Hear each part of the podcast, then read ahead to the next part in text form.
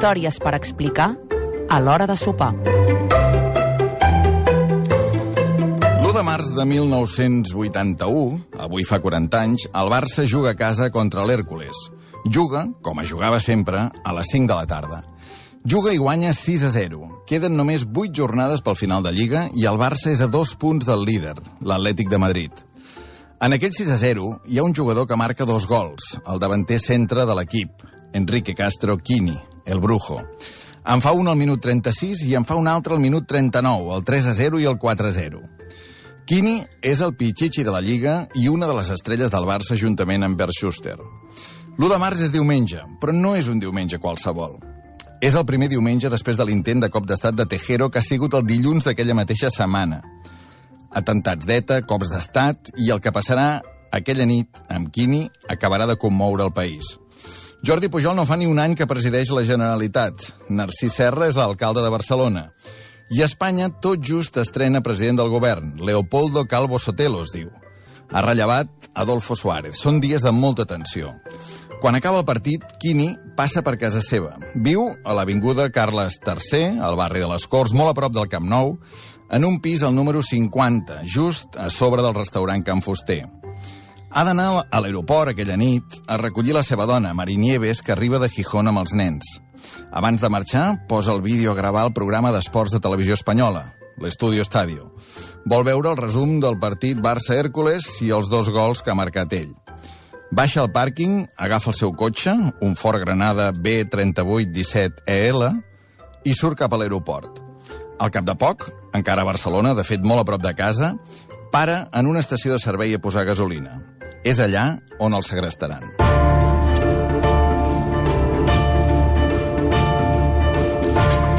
Enrique Castro, Quini, omple el dipòsit, paga i quan torna a pujar al cotxe, dos joves el criden. Es pensa que volen un autògraf, però no és el cas. Li ensenyen una pistola, una Col 45. Amenaçat, puja al cotxe acompanyat dels dos nois.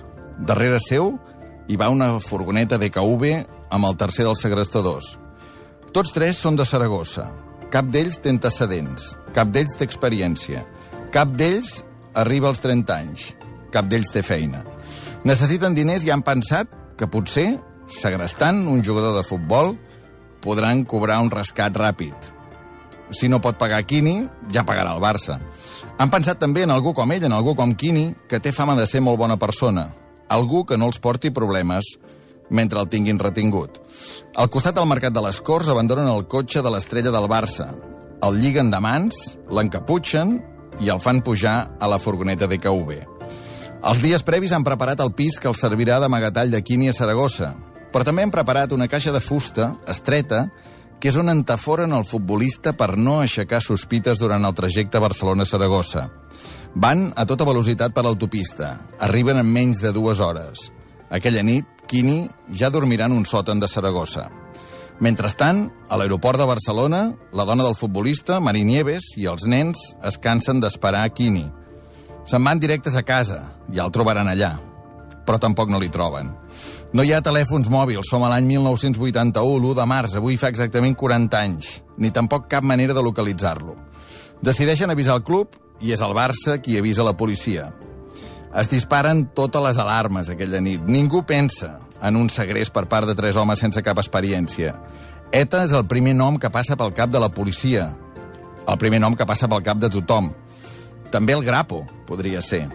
Ha desaparegut el pitxitxi de la Lliga, el davanter centre del Barça. Ningú no sap què ha passat.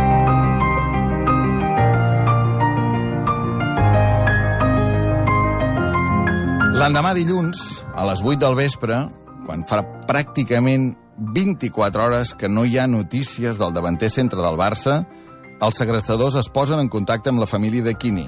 No tenen ni el número de telèfon de casa seva. De fet, li han de demanar al mateix jugador. La policia, però, ja té la línia telefònica punxada.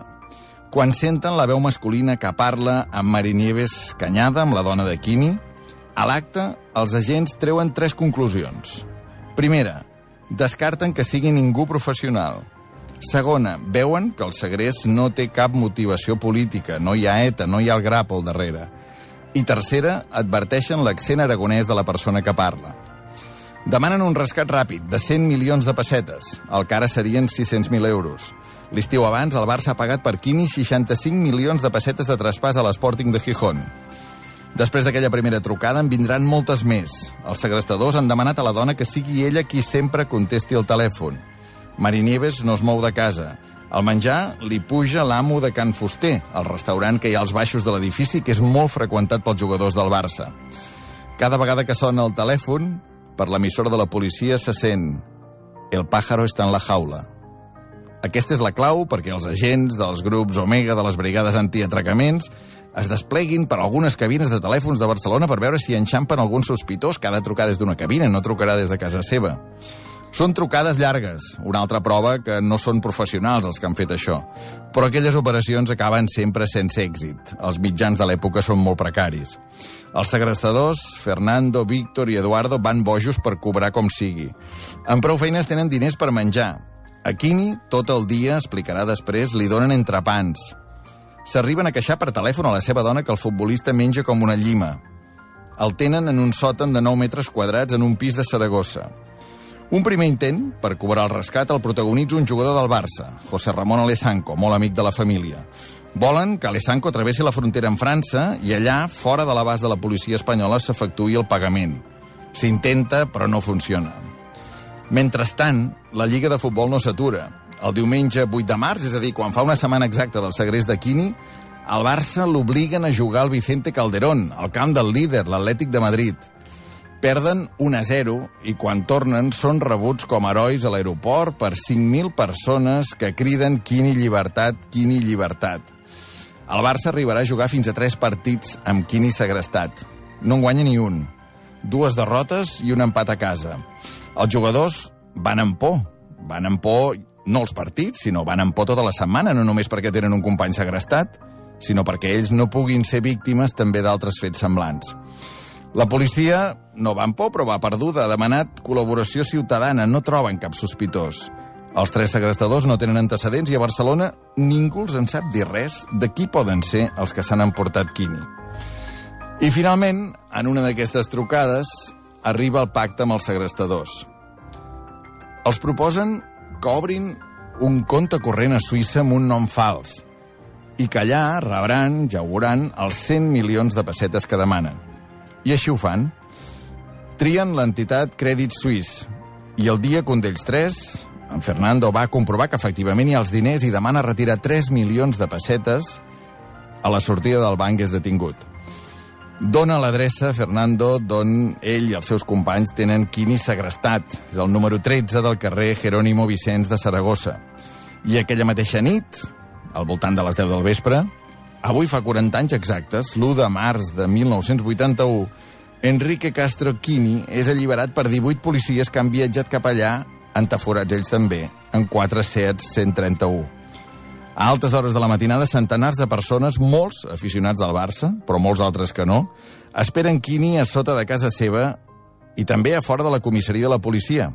De fet, serà aquí, a la Via Laietana, a la famosa tristament famosa comissaria de policia de la Via Laietana, al primer lloc on veuran Quini, amb un anorac blau, despentinat, mal afeitat, abraçat emocionat a la seva dona i també al president Núñez.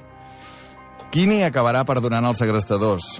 No voldrà cobrar els 5 milions de pessetes d'indemnització que el jutge els condemna. Els hi cauen 10 anys de presó, a tots tres, a Fernando, a Víctor i a Eduardo. Qui sap què se n'ha fet d'aquells tres nois que no tenien ni 30 anys quan el van segrestar durant 25 dies. Quini mor d'un infart l'any 2018, quan en tenia 68. El Barça, aquella lliga 1980-1981, la perd. Guanya la Copa, això sí, contra l'Sporting de Gijón, amb dos gols a la final, d'aquí, si no, de Quini. Històries per explicar a l'hora de sopar.